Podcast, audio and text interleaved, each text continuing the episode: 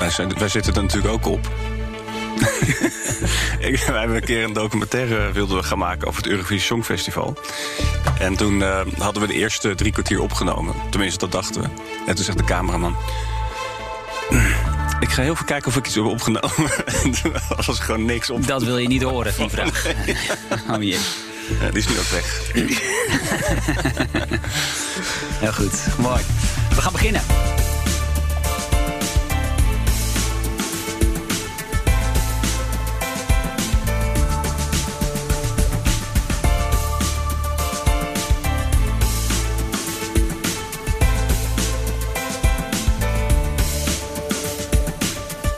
Innovatieve verdienmodellen tot slimme partnerships en andere distributiekanalen. Nou, zijn dit nou termen waar jouw hart sneller van gaat kloppen? Dan heb je er goed aan gedaan om deze podcast aan te zetten. In BNR's baanbrekende businessmodellen gaat het namelijk over bedrijven die zichzelf opnieuw uitvinden en nieuwkomers die bestaande markten opschudden. Nou, daar weet ik een heel klein beetje iets van. Mijn naam is John van Schagen trouwens, maar lang niet zoveel als mijn co-host, die de komende tien weken naast mij staat en samen met mij de gasten interviewt. Patrick van der Pijl van Business Model Inc. Patrick, volgens mij jouw debuut als interviewer, hè? Ja, dat eh, klopt. Dus, Ja. ja. Heb je een beetje goed voorbereid? Eh, ik, ik denk dat ik me heel goed heb voorbereid. En ik denk als je dan deze uitzending begint, dat dat. eh, Dan gaat dat wel goed komen. Ja, hey, even toch schetsen voor de mensen die jou misschien wat minder goed kennen. Met eh, BMI helpen jullie bedrijven te innoveren. Ehm, dan vraag ik me toch af, wanneer is de liefde voor dat ambacht nu aangewakkerd? Want ik kan me nauwelijks voorstellen dat jij als klein jongetje op de basisschool dacht... laat ik eh, later grote bedrijven eens gaan helpen hun businessmodel te transformeren. nee, zeker niet. Want eh 45 jaar geleden bestond het woord businessmodel nog niet eens. Alleen wat me altijd wel bij bleef, is ehm, de vraag van hoe kan je het nou eigenlijk nog slimmer, beter eh, doen. En. ehm, of je nou zeg maar, naar een restaurant kijkt, wat in, eens in zoveel tijd weer een andere eigenaar kijkt, krijgt, tot eh, zeg maar een grote uitgever. Eh, dat heeft me eigenlijk altijd wel gefascineerd. Nou, jij bent er de komende tien vrijdagen in ieder geval bij. Want zo lang duurt deze serie. Met elke week dus een nieuwe hoofdgast. Nou, die staat hier inmiddels al in de studio. Maar wie dat is, dat hoor je zo meteen. Want eh, BNR's baanbrekende businessmodellen is dus mede mogelijk gemaakt door ons, door Patrick en mij. Maar er is nog een partij die ik wel even wil benoemen. En dat is Salesforce. Ehm, en daarvoor moet ik je ook even ons eigen businessmodel uitleggen. Wij als redactie bedenken een tof onderwerp voor een nieuwe podcast. Alleen dat kost geld, eh, voorbereiding, studio, zendtijd, noem maar op. En dan gaan wij op zoek naar een partner die dicht bij dat onderwerp ligt. Nou, toen mijn collega's van Sales dit pitchten bij Salesforce, waren zij meteen enthousiast. Aan de lijn heb ik nu Michiel van Vlimmeren. Hij is de country manager van Salesforce Nederland. Ja, Michiel, eh, tof dat jullie aan boord zijn. Ja, absoluut. En, eh, en, en, eh, en leuk en fijn om, eh, om hier aan deel, deel te kunnen nemen. En ook onze, ons beeld op de werkelijkheid van vandaag te kunnen delen. hey, want even eerst, luister je zelf regelmatig naar podcasts? Eh, ja, meer en meer. En dat wordt eigenlijk een beetje gedreven door eh, de periode natuurlijk waar we in zitten. Daar waar in het Ja. verleden eh, er veel reistijd was en, en de radio eigenlijk leidend, leidend was... is de podcast nu een hele goede uitkomst. Ja, en nu gaat deze specifiek over businessmodellen. Ehm, ja, de vraag is natuurlijk ook, kan die van Salesforce nog een poosje toe? Ja, nou, er zijn eigenlijk twee belangrijke drijvers in het businessmodel van Salesforce. Dus uiteraard is dat cloud. En dat is een leveringsmodel gebaseerd op eh, abonnementen.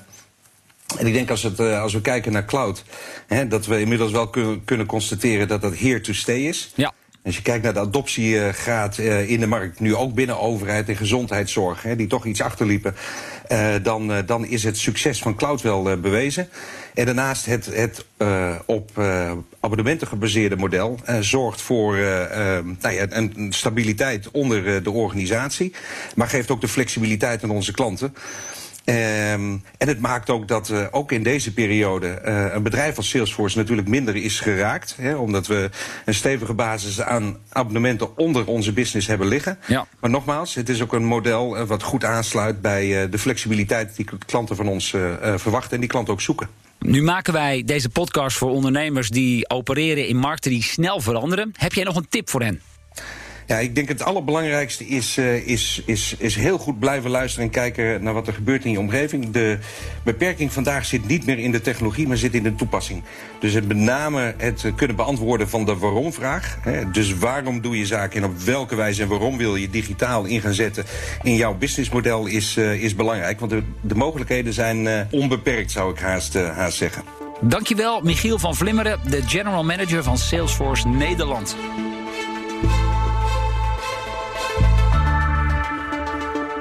Ja, Patrick, dan is het nu toch wel hoog tijd om onze gast aan te kondigen. Uh, met een kleine disclaimer, want jullie kennen elkaar al veel langer. Hè? Kun je je nog herinneren dat jij hem voor het eerst ontmoette? Ja, dat kan ik me nog heel goed herinneren. Ja, er wordt nee, niet ik kreeg een, uh, ik kreeg een Ja. telefoontje van het Dit verhaal wil ik horen. Ja, ik kreeg een telefoontje van het secretariaat. En die zeiden: Wij gaan binnenkort een eh, strategie eh, tweedaagse doen. En we zoeken iemand die dat eh, kan begeleiden. Dus eh, dat was eigenlijk het eerste moment dat ik bij eh, deze persoon eh, de, Ja. de kamer binnenstapte. En dat gaat over jou, eh, Ralf van Vechten. Ja. Welkom, sinds 2018 de CEO van NEP Nederland. En dat is een naam die misschien niet iedereen kent... maar jullie komen wel bij zo ongeveer elk huishouden in Nederland binnen. hè? Ja, eh, de hele dag door eigenlijk. Ja, ja, want vertel. Eh, we zijn een, eh, een mediatechnologiebedrijf, dus wij leveren de eh, techniek en de mensen om televisie te maken. Ehm, dus dat zegt nog niks, maar de programma's die wij dan faciliteren, dat zijn The Voice, de vooravond, nieuwe programma op NPO 1, eh, op 1. En eh, zo doen we er een, een kleine 5000 op jaarbasis. En dat zijn dan de mensen die achter de camera staan... mensen in de regiekamer en dergelijke. Ja, en dat, dat, dat eh, noemen we dan van eh, glas tot glas. Dus van het glas van de lens van de camera tot aan eh, je mobiele telefoon. Dus wij leveren bijvoorbeeld ook NPO Start als platform. Eh, RTO Videoland is een platform dat wij faciliteren. Ehm, dus wij staan in de studio, maar we leveren ook alle techniek die nodig is om het uiteindelijk te distribueren naar de mensen thuis. Ja, en wie zijn dan uiteindelijk jouw klanten? Wie betalen de factuur? Eh, dat is heel verschillend, maar het, het overgrote deel is eh, productiebedrijf. Eh, dus Talpa of ITV, Animal Shine, publieke omroepen uiteraard. maar ook broadcast, dus de NPO is een hele grote klant. RTL is een hele grote klant. SBS, dus Ja. dat, dat soort En partijen. als je dan kijkt naar marges in die markt... is dat, nou, is dat dun? Of hoe, hoe zit Dat dat? is flinterdun. Flinterdun zelfs. Ja. ja, vooral in het traditionele stuk, dus in het, in het, in het studio gebeuren, zeg maar, daar is de marge echt heel laag. Ehm, en dan moet je dus hebben van efficiëntie en ook eh, van innovatie. Want we hebben heel veel op dat gebied ook geïnnoveerd om uiteindelijk het bedrijf eh, marge te kunnen laten maken. Anders was het businessmodel al echt dood geweest. En, ehm, eh, maar aan de Media Solutions kant, dus waar het hele distributiestuk in zit... en het, het, de verwerking van de content die wij maken, dus het, het monteren... daar zijn de marges nog iets, iets groter. En die combinatie van zaken zorgt ervoor dat je een gezond, eh, financieel gezond bedrijf hebt. Hey, en 2020, eh, als we dan even teruggaan naar helemaal het begin... dat zou eigenlijk het beste jaar ooit worden. Eh, ja. Ja, zegt hij. Ja. Met enig gevoel voor cynisme, ja. Ja, nee, ik zat, wij zaten bij. wij maken elk jaar als onderdeel van de presentatie van de strategie en het jaarplan maken wij een, een talkshow over het bedrijf. Staat dichtbij. En dit keer was het de wereld draait door. Dus Matthijs van Nieuwkerk interviewde ons en in de opening. Eh, nou, vertelde ik ook dat, dat dit, dit wordt het beste jaar in de geschiedenis van ons bedrijf. Daar hadden we helemaal op voorgesorteerd. Dat was, alles stond zeg maar op, eh, op groen. Net als voor heel veel bedrijven. En ehm, ja, toen kwam de coronacrisis voorbij. Ja. En eh, toen hoorde ik letterlijk in de verte de telefoons eh, eh, gaan. In een soort idioot tempo. En, Ja, ja want neem ons, stuk. even, ja, neem ons even mee, geloof ik. Half maart was het, hè? Zo'n Ja. beetje tussen 15 en 18 maart. Toen gebeurden er heel veel dingen. Persconferenties en dergelijke. Wat gebeurde er op dat moment concreet bij NEP op het kantoor?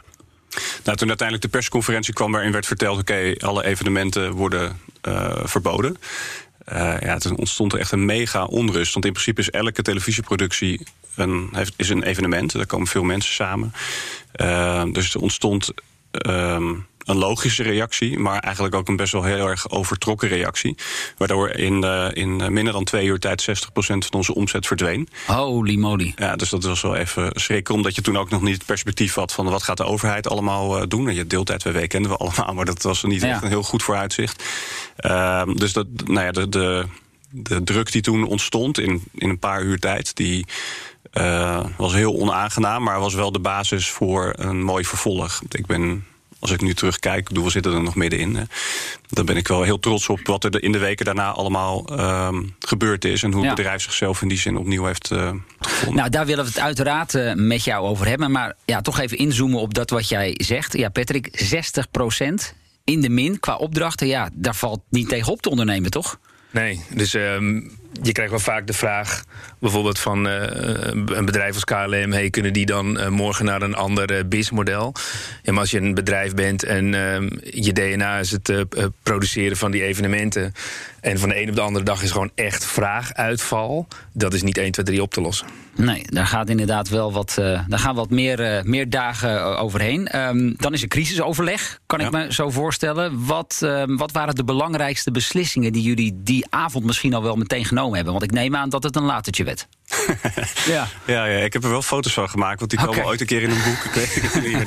het was een heel bijzonder moment in een heleboel opzichten, omdat je uh, zo'n enorme uh, drive had opeens, en het hele team had opeens een enorme drive om dit gewoon ja, dit was verschrikkelijk, maar dit moest ook uh, een soort uh, succesmoment uh, worden. dus wij zijn heel erg gaan kijken van wat betekent het voor de veiligheid van onze mensen. Dat is uiteraard de eerste zorg. Ja. Van hoe zorgen we dat de mensen die wel nieuws moeten maken. We hebben ook heel veel cameraploegen die naar, nou ja, naar gebieden toe moeten waar op dat moment natuurlijk hele verschrikkelijke dingen gebeurden. Hoe kunnen die veilig hun werk doen? hoe kunnen we zorgen dat we. Uh, dat we de mensen meenemen in uh, wat er aan de hand is. Uh, goed communiceren.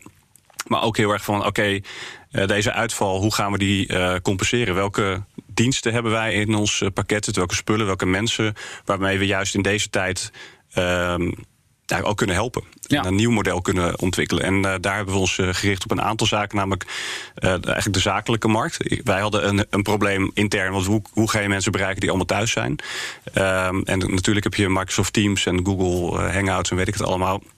Maar hoe ga je dat nou op een goede manier doen? Dus we hadden intern een, een, een vraag daar na van hoe ga je goed communiceren met de mensen. En daar hebben we eigenlijk een model van gemaakt. Dus we hebben nou, binnen twee weken hebben wij een, um, uh, onze webcastafdeling... die al heel veel voor grote bedrijven doet. ING, Nationale Nederlanden, ABN AMRO. Uh, die hebben gezegd, oké, okay, wij gaan um, met een uh, product naar buiten... waardoor je intern goed kan communiceren. Met je aandeelhouders kan communiceren, met je ja. klanten kan communiceren. Zeg maar voor de AIX-bedrijven van, van Nederland. Ja, en dat, uh, dat ging eigenlijk, uh, ja, dat, dat, omdat we daar heel snel mee waren op LinkedIn en, en in de kanalen waar je dat uh, goed naar voren kan brengen, um, ja, was die vraag op, opeens enorm. dus dat, dat ging heel goed. En toen zijn we verder gaan kijken wat kunnen wij nog meer met die kennis doen. Um, en toen kwamen we al heel snel um, op ja, grote evenementen die uit gingen vallen. zoals Um, ja, technologie-evenementen van bedrijven, um, uh, de productpresentaties van bedrijven. Um, zeg maar die events waar de Rij Amsterdam, de jaarbeurs ja. en dergelijke, waar die mee normaal gesproken gevuld zijn. Ja, ja en, en toen zeiden we, oké, okay, daar kunnen wij iets mee. Dus we hebben een van onze vaste klanten ASML benaderd. Wij wisten dat zij een heel groot evenement elk jaar doen in de Brabanthallen.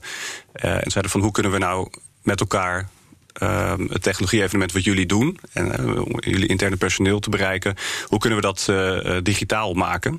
en het is heel makkelijk om te zeggen: oké, okay, we hebben studio's, we hebben camera's, we hebben mensen, maar dan, dan breng je niet het verhaal wat je brengt als je 5000 man in een zaal hebt. Ja. Dus we hebben heel erg goed met hun gekeken van hoe kan dat? En toen hebben we ook een partnership uh, zijn we aangegaan met Mediamonks. Het bedrijf uit Hilversum. Dus het zit om de hoek, dat is altijd makkelijk. Uh, maar een wereldwijde speler, werken 2500 mensen. Uh, als het gaat om digitale, het creëren van digitale experience. En we hebben gezegd, oké, dit is onze uitdaging.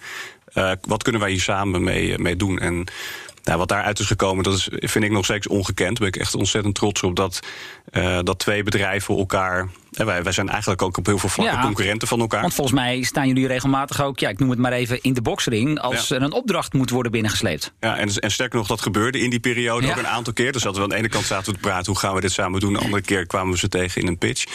Um, dus, maar uiteindelijk hebben we elkaar daar heel erg in gevonden. En hebben we samen een, een product neergezet wat voor ASML in dit geval hun, um, hun fysieke evenement vervangen heeft door een, digitaal evenement. Waarbij uh, geen 5000 mensen, maar uiteindelijk uh, meer dan 12.000 mensen in konden loggen. Uh, die mensen hadden een, een hele hoge waardering voor de content die was neergezet. We hadden hele mooie virtuele studio's gemaakt. Hadden over de hele wereld hadden wij van tevoren ehm, keynote, keynotes opgenomen. Ook van, hele, van een heel hoog profiel. directeur van CEO van Samsung bijvoorbeeld, die, die deed een keynote. Hebben allemaal van tevoren hebben dat opgenomen. en uiteindelijk in dat platform wat we met MediaMonks hebben ontwikkeld, werd dat in, een, in een tijdlijn gezet. Alsof je zeg maar echt op een, een conferentie was. Uh, en konden mensen hun eigen tijdlijn bouwen van ik wil dat zien, ik wil dat zien, ik wil dat zien. En zo werden ze de dag doorgenomen. En de waardering daarvoor van die mensen was, uh, die, die keken was hoog. Dus het bereik was hoger.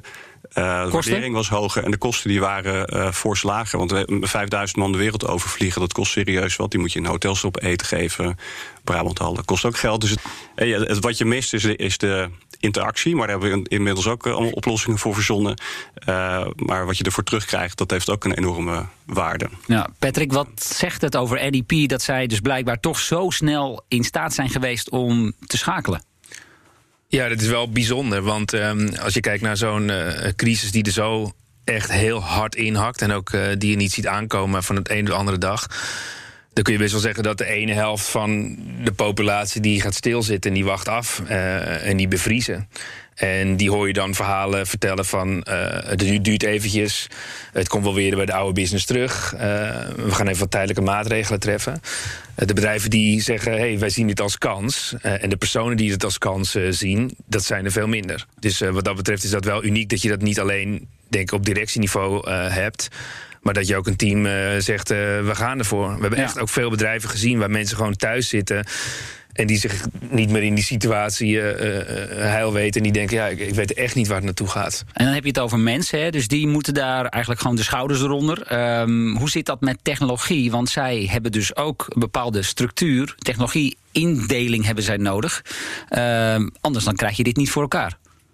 Nee, dus uh, je moet dan voor jezelf de vraag gaan stellen: heeft wat de, het spel wat wij willen spelen, dus nu bijvoorbeeld gegeven dat je een um, uh, fysieke beperking hebt, omdat je niet meer bij elkaar kunt komen. Oké, okay, dan gegeven de techniek die we hebben, hoe zorg je er dan toch voor dat we, zoals Ralf net zei, de distributie kunnen doen? Dus nu kunnen we toch mensen thuis bereiken. En ik denk dat heeft alles te maken met uh, techniek. Alleen dat is ook wel dat je het even in je hoofd moet gaan omdraaien. Uh, omdat je eerst misschien het evenement als uh, leading had. Bijvoorbeeld een uh, Champions League wedstrijd. Maar dat je daarna moet af gaan vragen van... Hey, hoe kunnen we toch zeg maar, misschien wel die wedstrijd organiseren... maar toch uiteindelijk zorgen voor distributie. Dat we mensen gaan bereiken. Wat, ehm, nu terugkijkend Ralf, wat waren voor jullie de belangrijkste voorwaarden... voor het omschalen van dat businessmodel op zo'n korte termijn? Ja, ik vind dat ik zeg maar, ik ben misschien een beetje atypisch daarin. Ik, ik geloof dat uh, zeg maar, de rol van uh, een directie of een management daarin heel beperkt is. Uh, en die speelde zich eigenlijk af in de jaren daarvoor. Ik, ehm, ik geloof dat zeg maar, de mensen uiteindelijk het allerbelangrijkste zijn wat wij in ons bedrijf hebben. Dat is eigenlijk is dat ons, ons businessmodel. En dat wij zeg maar, met elkaar de sfeer hebben gecreëerd waarin mensen. We zijn van oorsprong een staatsbedrijf, werken 900 mensen. Nou, dat is niet een mega groot bedrijf, maar het is zeg maar, voor wat wij doen vrij nou, fors. Dutch View, geloof ik. Ja, ooit de NOS, NOB, Dutch View en uh, nu NEP. Um, en die mensen die moesten. Ja, die, die, ik vond dat die, die werden ja, gezien als een soort, uh, een beetje een soort robots. En die, die moesten de techniek bedienen. Uh, terwijl wij zeiden van de mensen zijn het allerbelangrijkste. En die sfeer neerzetten. En dat mensen niet in onmogelijkheden denken, maar in mogelijkheden denken. Zeg maar, dat, daar hebben we twee jaar over gedaan om die cultuurverandering te realiseren. En op basis van die cultuurverandering konden we ook zeggen. Uh, ons motto is never expect the possible. We gaan nooit voor wat je kan verwachten. Het gaat altijd verder dan dat. Um, en toen wij die, die avond zaten in een kantoor, hing er in, op de gang hing een, een, een poster. En daar stond op Never Expect Doom Scenarios, uh, Expect Bright Ideas. En ik vond dat eigenlijk. Ik heb ook dat, die poster, die heb ik uh, digitaal uh, gekregen. Ja. En dat was vanaf dat moment ons, um, ons mantra eigenlijk. Van we kunnen doemscenario's verzinnen tot we ons wegen. Het gaat uiteindelijk om de goede ideeën. En um, kijk, we hebben mensen gehad die zich met deze tak hebben bezig gehouden. Maar we hebben ook mensen die gewoon hun werk konden doen. We hebben mensen gehad die hun werk niet meer konden doen. En op andere afdelingen zijn gegaan. Waardoor we minder freelancers in uh, hoefden te huren. Waardoor uiteindelijk zeg maar, ook um, het bedrijf uh, gewoon normaal resultaat kon blijven draaien. Dus er zijn heel veel mensen die zo flexibel zijn geweest en niet hebben gezegd van ja, maar in mijn functieomschrijving staat het helemaal niet. Er zijn nee. mensen die in een studio werkten en die opeens in een datacenter kabels aan het trekken waren. En daar uh, superveel, met superveel plezier deden. En ook heel trots waren van ik kan opeens iets anders doen. Dus er, ik geloof erin dat de, alles wat we gedaan hebben, kon alleen maar omdat we er twee jaar daarvoor erin in geïnvesteerd hebben. Ja, ik denk alleen dat je misschien zelf die, ehm, eh, je eigen rol en, en van het directieteam wat minder uh, waarde toedicht. Want ehm, ik denk dat jullie wel in staat zijn geweest om dat pad uh, daar neer te leggen, zodat mhm. mensen daar overheen kunnen lopen. Want ik weet nog heel goed de, de offsite die wij in oktober vorig jaar hadden. Waar... Even uitleggen, offsite. Ja, dat is een, ehm, de strategiebijeenkomst om in twee dagen te kijken... Hey, wat wordt het eh, plan voor de komende, voor de komende jaren of de komende jaren. Daar was eigenlijk al de eerste opmerking, uh, wat jij ook aangaf... van hey, in, met de huidige apparatuur, waar wij echt de verslaglegging van evenementen doen, dat is niet meer het businessmodel naar de toekomst. Uh, en waarom niet? Omdat die technologieontwikkeling heel hard gaat. Maar ook omdat klanten niet vragen om drie camera's, uh, maar eigenlijk, hey, hoe kan ik nou mijn doelgroep bereiken? Dus ik merkte al dat daar op die plek op dat tijdstip ook het besef was dat het naar iets anders zou moeten. Uh, dus die route is destijds ook al ingezet en ook de, de denkwijdte of of de denkbreedte in je hoofd. En ik denk als dat ontbreekt, en dat zie ik bij andere uh, managementteams of uh, directieteams, dan zie je ook dat de mensen niet uh, op dat speelveld gaan lopen. Want die voelen zich niet gesteund en ook niet comfortabel om daar iets te gaan doen. En dus eigenlijk als MT schep je de juiste voorwaarden, creëer je een bepaalde cultuur, wat ik Ralf net hoor zeggen. En dat is waanzinnig belangrijk om ook in zo'n korte tijd dit soort grote veranderingen teweeg te brengen. Ja, en ik denk wel dat uh, uh, ik denk dat Ralf ook qua persoon iemand is die uh, jou de rugdekking geeft als jij met waanzinnige coole ideeën komt. en waar die jou ook steunt en zal helpen. Nou, jullie kennen elkaar een beetje, dus als Patrick dit zegt, Ralf, dan zal er wel een kern van waarheid in zitten. Daar word ik een beetje verlegen van. Ja, nee, dat, dat kan ik me voorstellen. Ja, nee, ik, ik, ik, ik, denk, ik geloof heel erg dat we dit met heel veel mensen hebben gedaan. En uh, natuurlijk uh, hebben we op een gegeven moment bepaalde beslissingen genomen in het verleden. En ook op die dag. En ook daarna uiteraard, maar die, die een bepaalde richting hebben gegeven. Maar als jij 900 man hebt zitten die daar geen zin in hebben, ja. dan gaat het echt nooit gebeuren. en deze worden. mensen, het was omgekeerd. Want wij zeiden van kom dan met die bright ideas. Nou, mijn mailbox die ontplofte. En we hebben wij zijn geen formatproductiebedrijf, maar wij hadden opeens ook allemaal formatideeën. Die konden bij onze klanten neerleggen. Dus die gingen opeens weer pilots produceren. Die gingen ook uiteindelijk daar, op basis daarvan series produceren. Dus je positioneert je in de markt ook heel anders. Maar uiteindelijk komt het allemaal uit die mensen. Die mensen hebben zo verschrikkelijk veel ideeën. Uh, en sommige kon je niks mee. En dan vertelden we ook van, nou ja, daar kunnen we nu niks mee. Maar echt super bedankt dat je meedenkt. Uh, en andere ideeën die transformeerde zeg maar, ons bedrijf. En dat heeft niet die 60% uh, omzetuitval gecompenseerd. Nee, want hoe denk je daar dit jaar op uit te komen? Wij komen uiteindelijk uh, rond de 20% uit. Um, dus wij, we, we, balanceren, we balanceren ik, net op de, op de, op de grens van, ja. uh, van de, de overheidssteun. Maar er zijn ook maanden geweest, twee maanden geweest... waarin we de overheidssteun voor een groot deel terug konden betalen. En uh, ik ben daar heel erg trots op. Dat je, uh, ik ben heel blij dat de overheid zo hard en uh, zo snel gereageerd heeft. ik ben er ook heel trots op dat je dan op een gegeven moment een deel terug kan betalen. Omdat je het als bedrijf gewoon beter doet dan je had gedacht. BNR's baanbrekende businessmodellen. Dat is de titel van deze podcastreeks. Mijn naam is John van Schagen. En ik ben Patrick van der Pijl. En onze gast in deze eerste aflevering is Ralf van Vechten van NDP Nederland. Maar voordat we met hem verder praten, is het eerst tijd voor onze wekelijkse rubriek. Wat komt er nu weer uit de oude doos? Ja, Patrick en ik duiken iedere week het verleden in. Terug naar een bijzonder moment, een speciaal persoon of een grappige anekdote. En hier komen mijn voorliefde voor geschiedenis en vernieuwing mooi samen. Patrick, jij bijt het spits af. En dat gaat over dit merk. What strong character. Right. Mm-hmm. Rich. Very rich. I would say Latin American temperament. Mm-hmm. Deep and sensual. Yeah. And a delicious aftertaste. You're talking about Nespresso, right? Uh-huh. Yeah. What else? Drink jij wel eens Nespresso, Ralf? Uh, ja, zeker. Heb je enig idee wanneer het eerste patent werd vastgelegd? Ik heb echt geen idee. Ja, dat was dus in 1976 door Erik Favre. En uh, je zag in die tijd dat Nestlé was heel goed in de oploskoffie, uh, maar niet in de, in de verse uh, koffie en, en de bonen. En eigenlijk was dit bedoeld voor de horeca. Alleen uh, dat slaagde voor geen meter. Dus in 1976 keken ze tegen ja, een niet succesvol idee aan. En in 1986 dachten ze dan gaan we een joint venture aan met een bedrijf die ook die apparaten kan uh, produceren. En um, dat was wederom niet succesvol. Maar toen kwam in 1988 uh, de nieuwe CEO destijds aan boord, Jean-Paul uh. En die heeft eigenlijk gezorgd voor twee belangrijke shifts, als ik het zo mag zeggen. Dat de eerste, ze zeiden, weet je wat, wij gaan met dat product op de high-end van de huishoudens mixen. Dus we maken echt een premium product daarvan. En het andere is een compleet ander kanaal, namelijk rechtstreeks via de post. En op dat moment was dat een strategie, dat was binnen de Nestlé-groep ondenkbaar. Um, dat hadden ze ook niet, een direct kanaal. Maar ze dachten ook, ja, maar dan gaan wij onze huidige kanalen of onze huidige producten uh, cannibaliseren. Uiteindelijk leidde dat tot 1998 ook de launch op internet. Um, en nam dat eigenlijk een enorm grote sprong. Dus succes door ander klantsegment, succes door ander kanaal.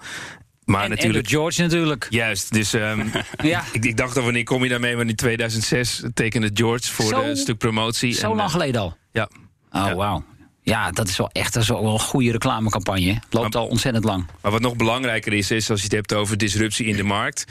Als je keek naar destijds filterkoffie, zijn zij in staat geweest om vijf tot zeven keer meer te laten betalen voor koffie. Wauw. En natuurlijk is die koffie. in dat dingetje gewoon hetzelfde als wat er in een pak. Uh, ja, ja, ja. Dus uiteindelijk zie je dat in de perceptie, in, uh, dat een compleet ander uh, beeld is. En dit is wel interessant. Dus het is eigenlijk vijf jaar, 45 jaar tot en met vandaag tijd gekost. En tot 98 dat het succesvol was. Maar dat zien we ook met andere innovaties. Dus het eerste idee waar je mee gaat starten is nooit het idee wat uiteindelijk succesvol gaat zijn. Je zult een aantal draaien daarin moeten maken. Ik vind het ook wel interessant wat je zegt over cannibalisatie. Dat je bang bent dat je oude producten, je bestaande producten door de innovatie worden opgevreten. Uh, want daar gaat namelijk mijn voorbeeld ook over. En daarvoor gaan we terug uh, nog iets verder de tijd in, naar het jaar 1881. George Eastman die richt dan namelijk de Eastman Dry Plate Company op. Nou, dat is een naam die waarschijnlijk weinig mensen wat zegt. Ik kijk Ralf even aan. Ja. Kodak, denk ik. Of... Oh jee, maar weet hem al. Ja. Nou, dan uh, misschien een beetje een spoiler alert, maar goed. Zeven jaar later koopt hij de rechten van een uitvinding van ene David Henderson Houston. Dat is een camera met een celluloid filmrolletje. En hij noemt hem Nodak. Nou, Eastman die draait de twee medeklinkers om. En het werd vervolgens dit merk. Met dank aan Ralf weten we dus al welke. De nieuwe manier van fotograferen. Kodak Disc. Met een revolutionaire fotoschijf. De Kodak Color VR Discfilm. Voor haarscherpe foto's van snelle acties. En voor geslaagde binnenopname met levensechte kleuren. Ja, het merk werkt echt het symbool van de amateurfotografie. En ik kan me dat ook nog wel herinneren. Want vroeger toen ging je met je rolletje naar de HEMA, uurtje wachten... en werd die vervolgens had je een stel foto's. Nou, 1975, toen hebben zij zelf de digitale fotografie ontwikkeld. Alleen, ze deden daar dus niks mee, uit angst om hun bestaande business te verliezen. Ja, dat bleek natuurlijk een kapitale blunder. Die probeerden ze later wel goed te maken, maar het bleek te vergeefs, want in 2012 stopten zij de productie van de digitale camera. Het bedrijf bestaat overigens nog wel. Ze leveren nu materialen aan drukkerijen en uitgevers en filmindustrie. En ik heb even gecheckt. De omzet in 2019 was 1,2 miljard dollar. Nou, waarom heb ik dit merk nu uitgekozen? In voorbereiding op deze podcast ging het namelijk heel vaak over Kodak. Dat merk is de afgelopen nou, jaren toch wel het symbool geworden voor wat er met je kan gebeuren als je niet meegaat met die vernieuwing. Kodak dus, dat u het maar onthoudt. Goed, Ralf van Vechten van NEP is hier. De partij die we kennen van tv-producties als The Voice of Holland, Veronica Insight en GTST. Nou, we hadden het zojuist vooral over de gevolgen van corona en hoe jullie hierop hebben geanticipeerd. En daarin vertelde je later al iets dat je eigenlijk daar uh, nou ja, het, het, zaadje al eerder hebt geplant door die cultuur uh, te veranderen. En je vertelde ook iets over die uitzendtechnieken en die worden steeds goedkoper. Hè? En dat is ook een reden voor jou geweest toen jij in 2018 aankwam dat je dacht, daar moeten we iets mee. Ja, eigenlijk zit dat wel in de.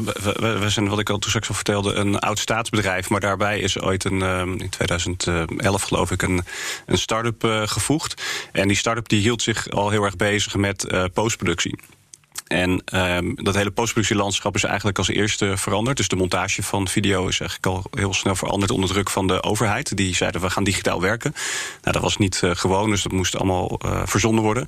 En dat bedrijf dat won uh, zonder uitzondering alle aanbestedingen van de publieke omroepen. Waar de traditionele bedrijven zoals Dutchview toen als concurrent dat verloren won. Parkpost, zoals dat bedrijf heette, won al die aanbestedingen. Alleen maar door het op een hele andere manier te doen, veel slimmer uh, techniek te centraliseren. En eigenlijk is dat, uh, toen die twee bedrijven bij elkaar samen uh, werden gebracht, was dat uh, vanaf dat moment de filosofie. Wij gaan eigenlijk niet meer investeren in standalone techniek, maar wij gaan altijd zorgen dat we maximale schaal creëren en op basis daarvan de kostprijs kunnen verlagen ja. om weer marge te kunnen. En even uitleggen, standalone techniek, daarmee bedoel je? Nou, we hebben bijvoorbeeld, voorheen was het zo dat je elke studio had zijn eigen regie. Elke, we hadden heel veel regiewagens. dus dat was techniek die rijdt dan, als wij een voetbalwedstrijd doen, doen we heel veel. Als die naar uh, Sittard gaat, dan ben je die hele vrachtwagen uh, gewoon een hele dag kwijt.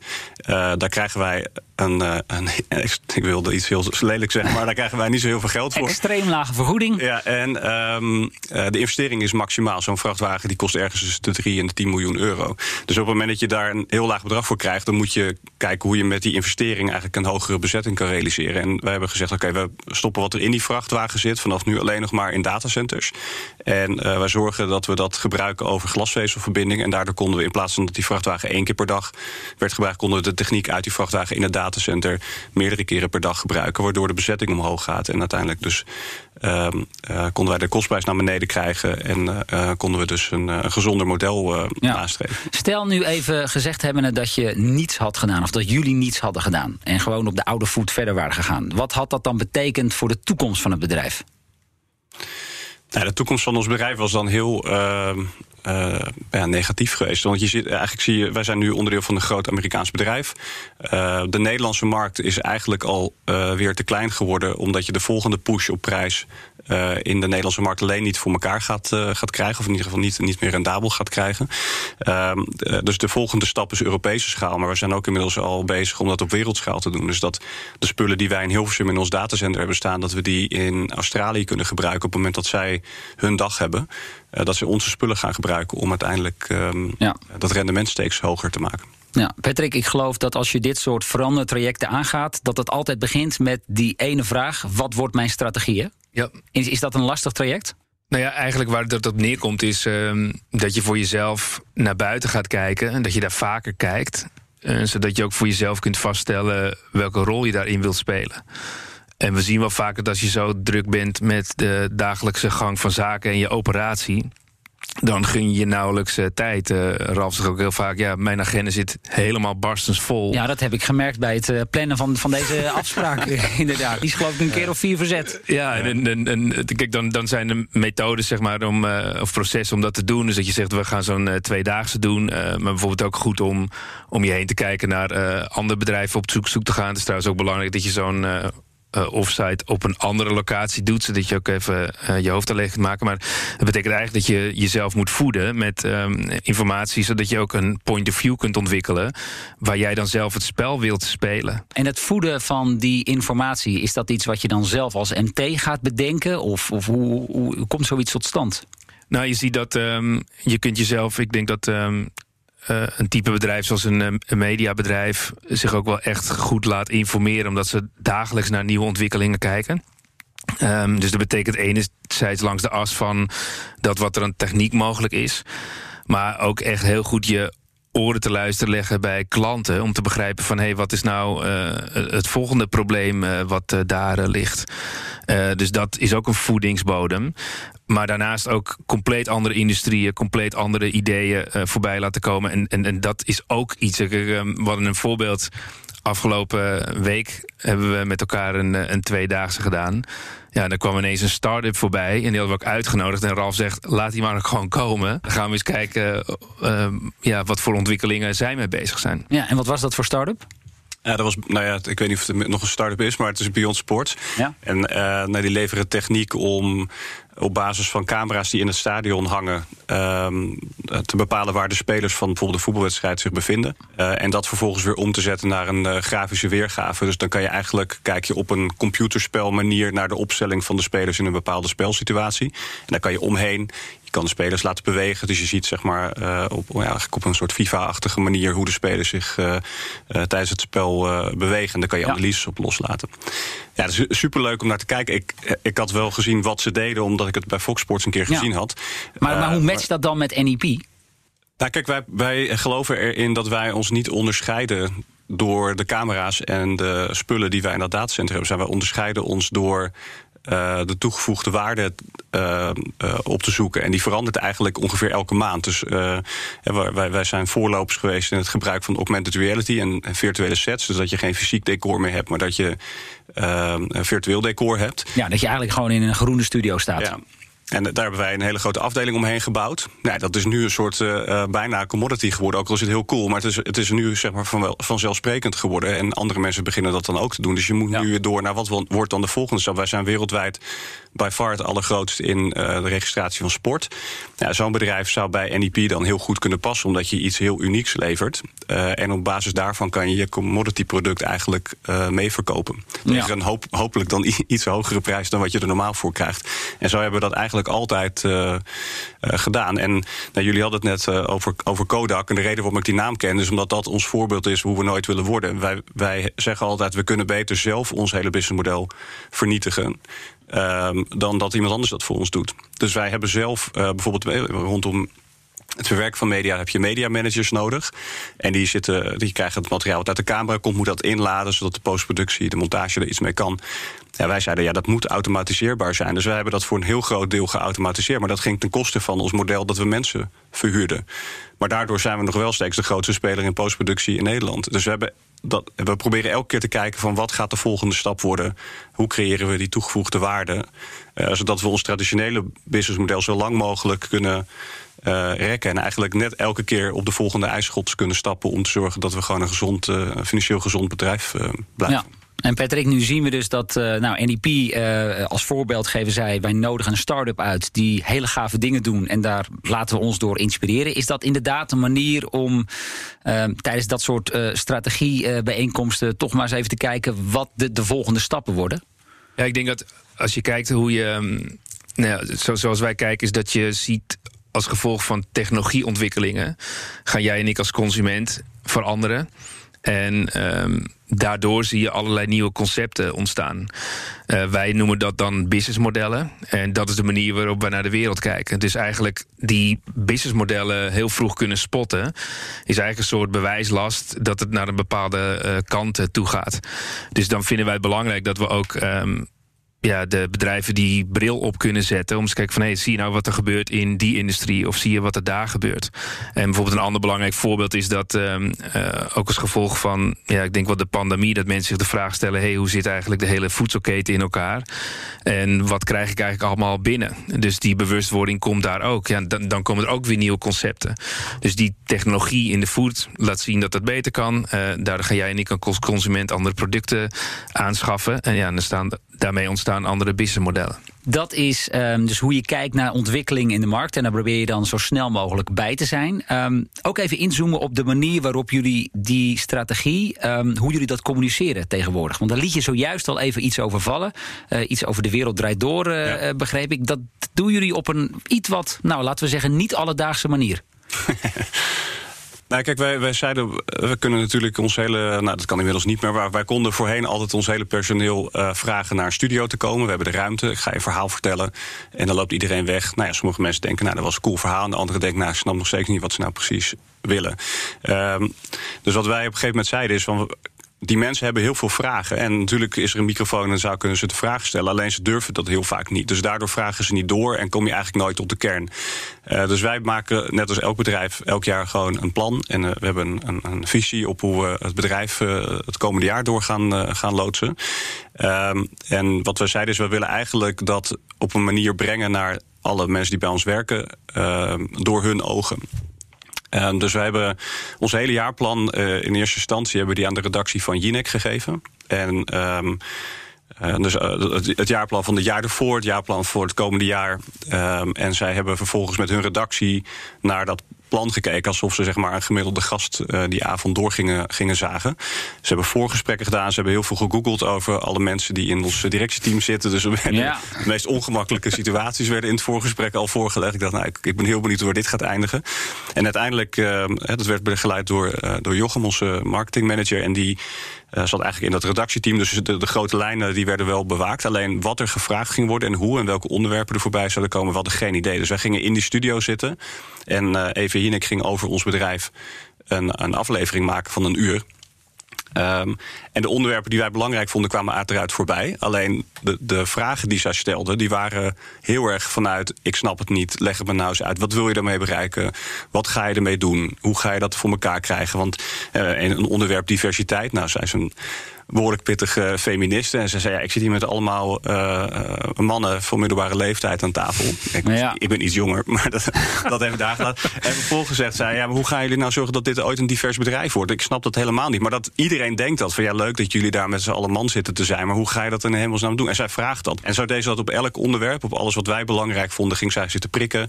Uh, ging ze om verduidelijking, vra verduidelijking vragen. En ja, dat was eigenlijk, uh, toen, dat hebben wij vervolgens op een videospeler gezet.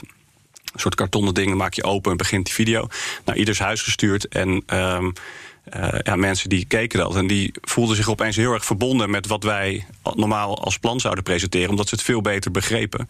En vervolgens zijn we dat elke maand op gaan volgen met een, uh, ja, een kwartier durende video. Waarin we heel erg op zoek gingen naar: oké, die strategie hadden leuk, hebben we bedacht, schrijven we op. Maar wat betekent dat nou als je bij het bedrijf werkt? Dus wij gingen heel erg op zoek naar de connectie tussen de strategie en uh, wat de mensen de hele dag meemaken, doen. Uh, en daarbij zochten we voorbeelden waar het werkt, maar ook naar voorbeelden waar het niet werkt. Zodat mensen ook uh, zien dat je niet onfeilbaar bent. Dat je ook transparant bent over dingen die niet goed gaan. en zo zijn we dat het jaar door gaan, gaan doen. En ja, dat, de, de, waardering we meten elk jaar meet PwC bij ons uh, de tevredenheid. De tevredenheid was omhoog gegaan, zoals ik op zich al blij mee. Maar vooral uh, hoe er gecommuniceerd werd en inzicht in strategie, dat kreeg opeens een heel hoog, uh, hoog cijfer. Als directie kan je de strategie heel belangrijk vinden, kan je heel belangrijk over doen. En doe je dit jaarlijks evenement, ga je al die powerpoints oppoetsen en dan ga je nog naar een, een, een training zodat je het goed over de bühne kunt brengen. Dat is eigenlijk waar het in gros van de corporate bedrijven uh, over gaat. En er wordt allemaal uh, schoongeveegd van uh, ongewenste opmerkingen. er wordt heel goed gerepeteerd. Ja, ik vind het dan echt heel bijzonder dat je dan zegt: hier ligt het hele plan. En dat leg je gewoon bij een, redactie van een tv-programma neer. Dus ja, dat is ook wel. Ik ben benieuwd, Ralf, wie op dat idee kwam. En ik vind het wel ook. Dat laat wel zien dat je echt durft en dat je ook niks te verbergen hebt. Nou, dat, Jochem en ik hebben dat bedacht. En ik moet eerlijk zeggen, toen we daar zaten... maar ik, heb mijn, ik wist niet dat mijn hart zo hard kon kloppen, zo snel. Dat was echt niet door mij, ging echt bijna uit.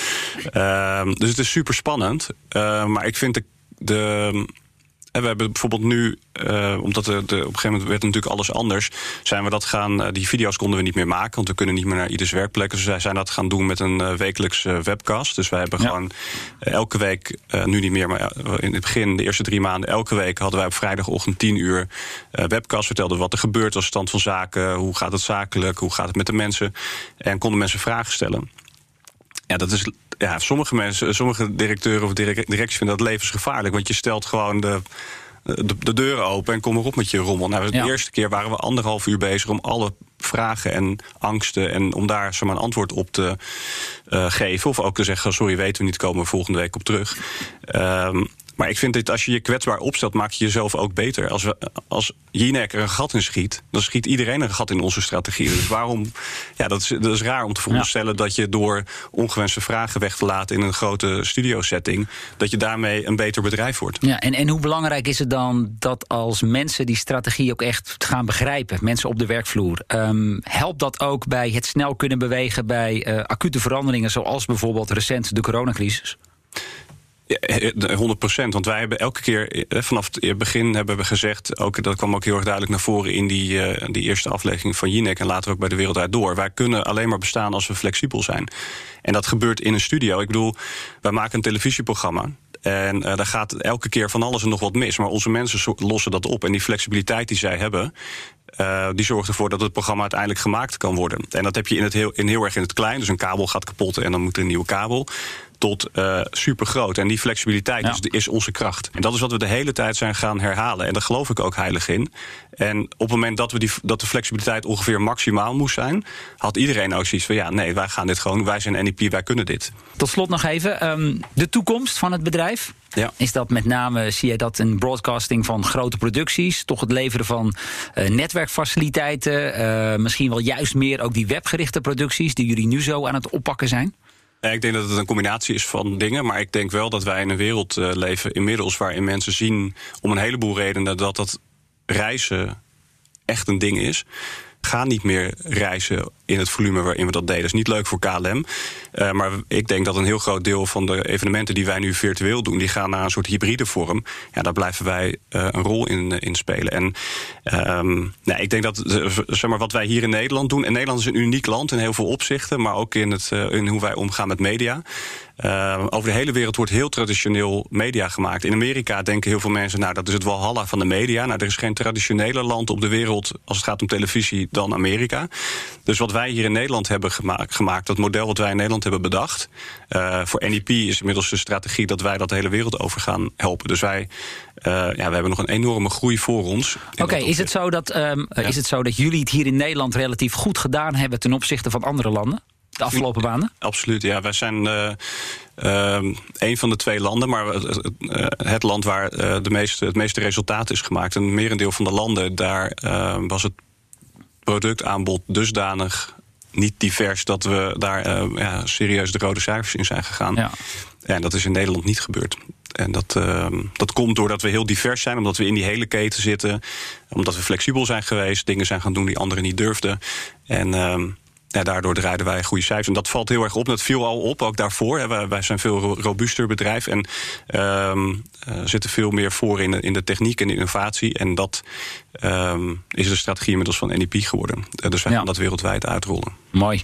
Patrick, het laatste woord is aan jou. Wat kunnen luisteraars van dit verhaal leren van Ralf van Vechten? Ik denk dat dit programma gaat natuurlijk over baanbrekende businessmodellen. En ik denk baanbrekend hier is dat je ziet dat we in een, met een digitale versnelling hebben te maken. Dus dat betekent dat dat digitale stuk bij klanten wordt geaccepteerd. En een bedrijf als NP Media die omarmt dat dan en die zegt: Oké, wij zijn de frontrunner op dat digitale stuk.